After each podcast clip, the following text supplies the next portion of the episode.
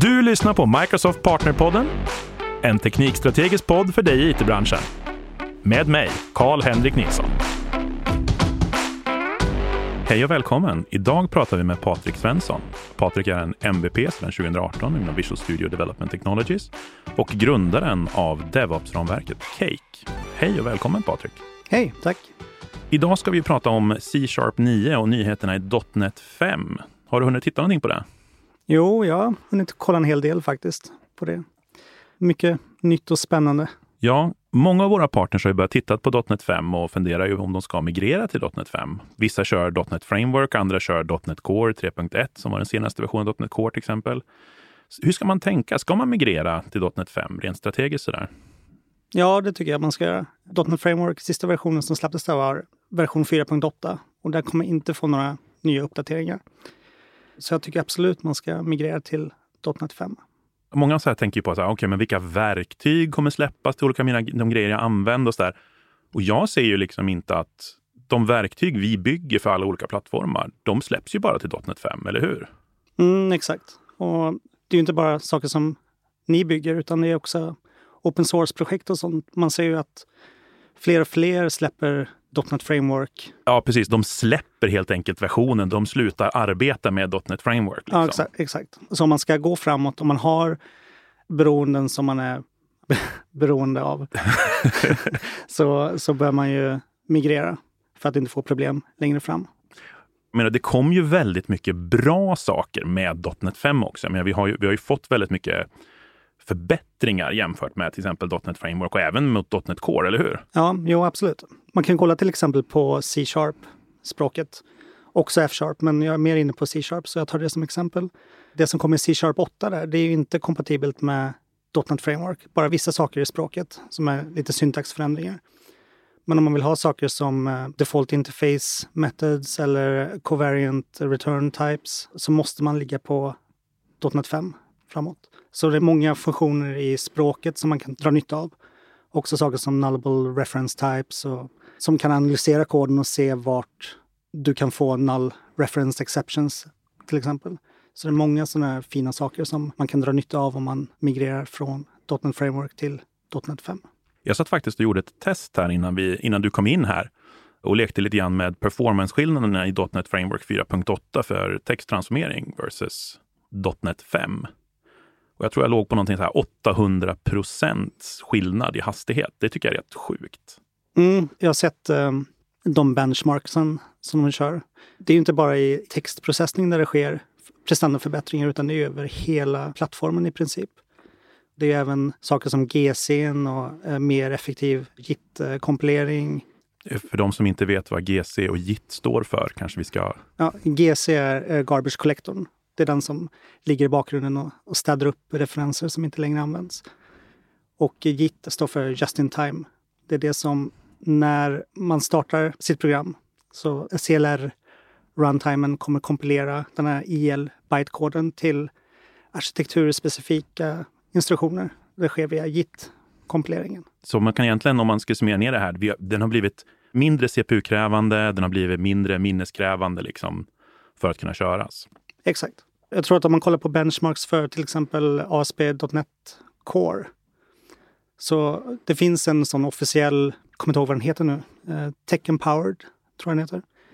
Där de visar så här var olika ramverk, olika språk ligger i prestanda och ASP.NET Core ligger före saker som är native-kompilerade som till exempel Rust-ramverk och sådana saker. Så det finns enorma prestandaförbättringar att hämta. Ja, jag, jag tycker egentligen det är intressant, för jag vet att jag läste någonstans att vi har egentligen flyttat kod, eller vi, jag har inte jobbat på det här projektet, men Microsoft har flyttat kod från native till eh, managed runtime.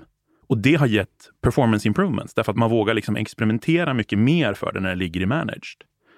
Och det blir en säkrare runtime. Jag tycker det är riktigt häftigt faktiskt. Mm, jag håller med. Du nämnde ju lite grann där med default interface members från C-sharp 8. Vi har ju släppt ganska mycket nya grejer även i C-sharp 9. Så här, menar, det kommer in records, det kommer även lite så nya keywords som du with och and, not och or och så här konstiga grejer. Mm. Har du hunnit titta någonting och fått någon, någon nytta av det? Jo, jag har tittat på det. Jag har faktiskt inte använt record types själv, men jag har använt den här pattern matching funktionaliteten som har kommit. Just det, den ja.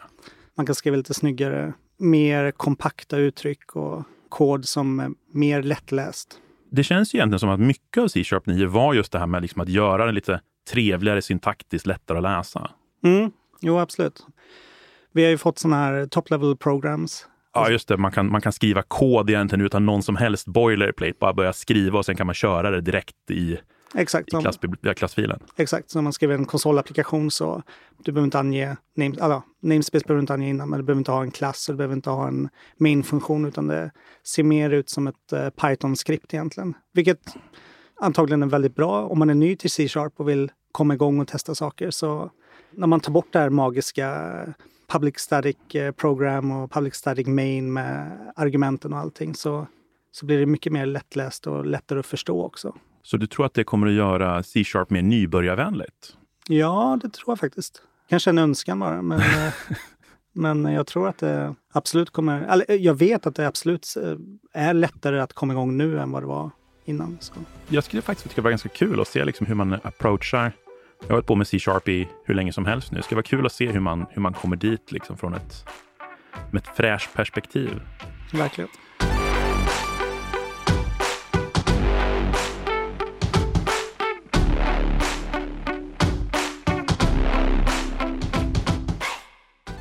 Du nämnde ju konsolappar här lite grann och, och jag har ju sett att det, det, har blivit väldigt mycket mer konsolappar helt plötsligt på bolagen runt omkring här i Sverige. Hur kommer det sig liksom? Det kan ju ha att göra med att man kör mer och mer saker i olika typer av containers. Ja, precis. Man har helt enkelt plötsligt att mycket av Enterprise-logiken blir i konsolappar som sen körs i en container och det blir själva applikationen. Sådär. Mm, exakt. Då tänker jag att då blir det väldigt viktigt att man bygger också bra konsolappar. Har vi någonting bra här i C-sharp 9 eller .NET 5 eller överlag liksom som man ska tänka på då när man gör de här grejerna? Du har ju byggt Spectre Console så du har väl kanske lite, lite insikter tänker jag på hur man bygger bra, bra konsolappar. Ja, det har kommit en hel del nya saker, bland annat med ASP.NET Core um, som är en generic host som är fin att använda när man bygger konsolapplikationer. Så man använder egentligen samma, ska man säga, boilerplate-kod när man bygger en konsolapp som när man bygger en ASP.NET Core-sajt mer eller mindre. Som gör att man får dependency injection och loggning och man kan köra background workers och liknande. Och så tillsammans med Spectre Console då, så kan den bli jättefin och, och vacker att titta på också. Jag tycker ändå det är viktigt. Jag ser att jag, jag tycker det är trevligare nu att, att använda mina, mina vackra konsolappar snarare än de här ganska generiska som bara spottade ur sig JSON-objekt eller något sånt. Mm, jo, absolut. Det har inte funnits så bra stöd faktiskt för som man säger, den System Console. Det har funnits eh, System Console Rightline mer eller mindre innan. Där man har tillgång till de här tre bits färgpaletten. Så det har inte funnits något bra stöd egentligen för VT-sekvenser eller sådana här Virtual Terminal-sekvenser som ANSI-koder och för att få understruken text och sådär. Så det finns ju massvis med potential att skriva lite finare appar nu. Absolut. Så kopplat ihop med nya Windows Terminal så kommer vi få jättevackra konsoler här nu framöver på Windows. Mm. Om vi backar tillbaka lite grann, så du nämnde ju till exempel där Default Interface Members i, i, i C-sharp 8 som kom här och som, som man faktiskt inte kan köra så mycket med .NET Framework och sådär. Mm. Du är ju faktiskt min go-to-person när jag ska skriva ett riktigt komplicerat class library. Mm. För det är ju liksom lite av din, i min värld i alla fall, det som du har tänkt mest på. Och det här tror jag är någonting som man brottas väldigt, väldigt mycket med ute på bolagen. Just class libraries. Och jag tänker att vi ska gräva lite i det, även om det inte riktigt är... Det, man kan ju skriva class libraries i liksom .NET Framework 1.0 på ett bra sätt också. Men jag tänkte att vi skulle gräva lite i liksom, hur bygger man bra class libraries 2021? Vad ska man tänka på? Det finns inga så här regler för hur man bygger, som du sa. Liksom. Man kan ju bygga lite hur man vill egentligen. Men saker som jag försöker göra nu för tiden när jag bygger saker, det är till exempel slå på nullable reference types för att förhindra att man får null reference exceptions. Ha några Roslin analyzers som jag alltid lägger på för statisk analys. Man kan få tips om dels saker som kan ge buggar i, i runtime men också saker som gör koden mer lättläst och lättare att förstå. Så statisk analys är viktigt där med. Och sen också saker som att man tänker på sina publika API, så här, vad är det jag exponerar? Och att man ser till att man inte bryter dem. Så därför så är det alltid bra till exempel att exponera så lite som möjligt och öppna upp. Det är lättare att göra någonting public som har varit private än att uh, göra någonting private som är public. För då bryter du ditt API där och då människor som är beroende av ditt API kommer bli arga på dig om du tar bort saker. Och därför så försöker jag alltid till exempel att jag silar allting by default. Och sen om jag ska unsila någonting, om jag behöver ärva från en klass till exempel, så då gör jag det om jag har ett riktigt behov av det. Inte för att det finns där och jag kan göra det, utan man lägger mer tanke bakom. Det blir nästan lite IT-säkerhetstänk där, liksom så här, vad heter det, zero trust liksom. Att man låser ner allting förutom exakt det du ska ha tillgång till. Mm, exakt, lite zero trust mot sig själv kan man säga nästan. Ja, precis. för jag tror att en av de saker som jag stör mig absolut mest på, det är liksom när man, man uppdaterar ett NuGet-paket och så försvinner saker som jag vet att jag har använt. Jo, jag, jag håller med. Vi, vi har varit ganska bra på det faktiskt i, i Cake-projektet som du nämnde innan. Där vi har hållit eh, saker bakåtkompatibla väldigt, väldigt länge och varit väldigt konservativa med breaking changes. Till den mån att folk faktiskt har frågat oss varför vi, varför tar ni inte bort den här grejen? Så här, jo, det skulle vara trevligt, men vi kommer också bryta 5000 byggen som händer där ute på grund av att de använder någon adin eller någonting som är beroende av den metoden. Så det är först nu när vi släppte 1.0 för några veckor sedan som vi faktiskt började bryta saker. Så det är ju snällt mot konsumenten att uh, inte bara helt randomly för dem ta bort saker eller ändra signaturer på metoder och liknande. Hur tufft var det att få släppa en ny major-version på ett så populärt ramverk? Det är ganska smärtfritt faktiskt. Vi har gjort väldigt mycket arbete för att se till att det gick så smärtfritt som möjligt. Men vi är ett ganska stort team också. Vi är, jag tror vi är tio personer nu. Så att det har inte varit så mycket arbete för varje enskild person. Men det har varit en hel del arbete senaste halvåret med att se till att uppdatera våra officiella DINs och dokumentera saker och lite mer tråkigt arbete. Jag tycker alltid det är imponerande när man ser såna här gigantiska projekt och hur väl de fungerar över pakethanterare.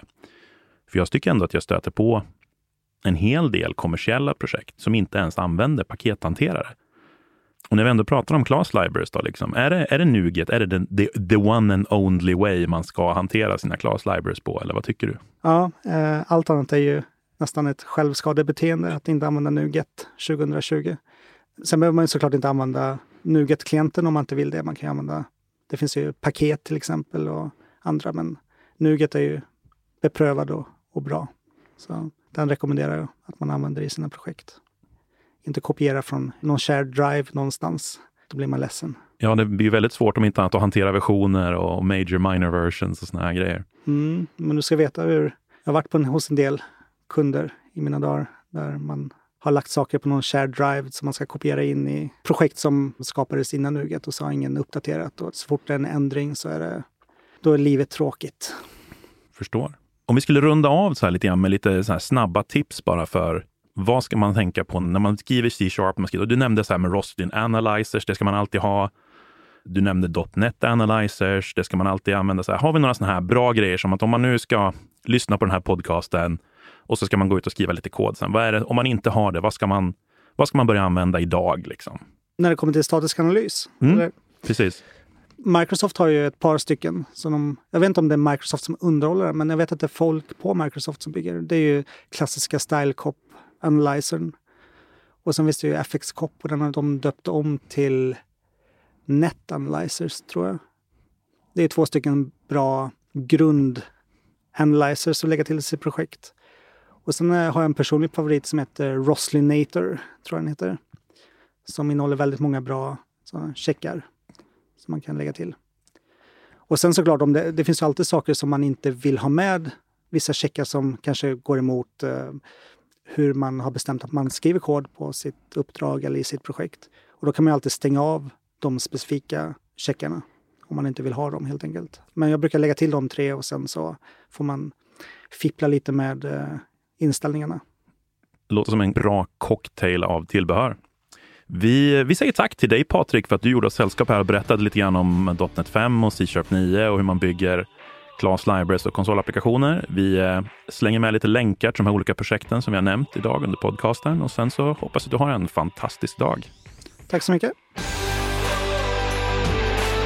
Du har lyssnat på Microsoft Partnerpodden med mig, Karl-Henrik Nilsson.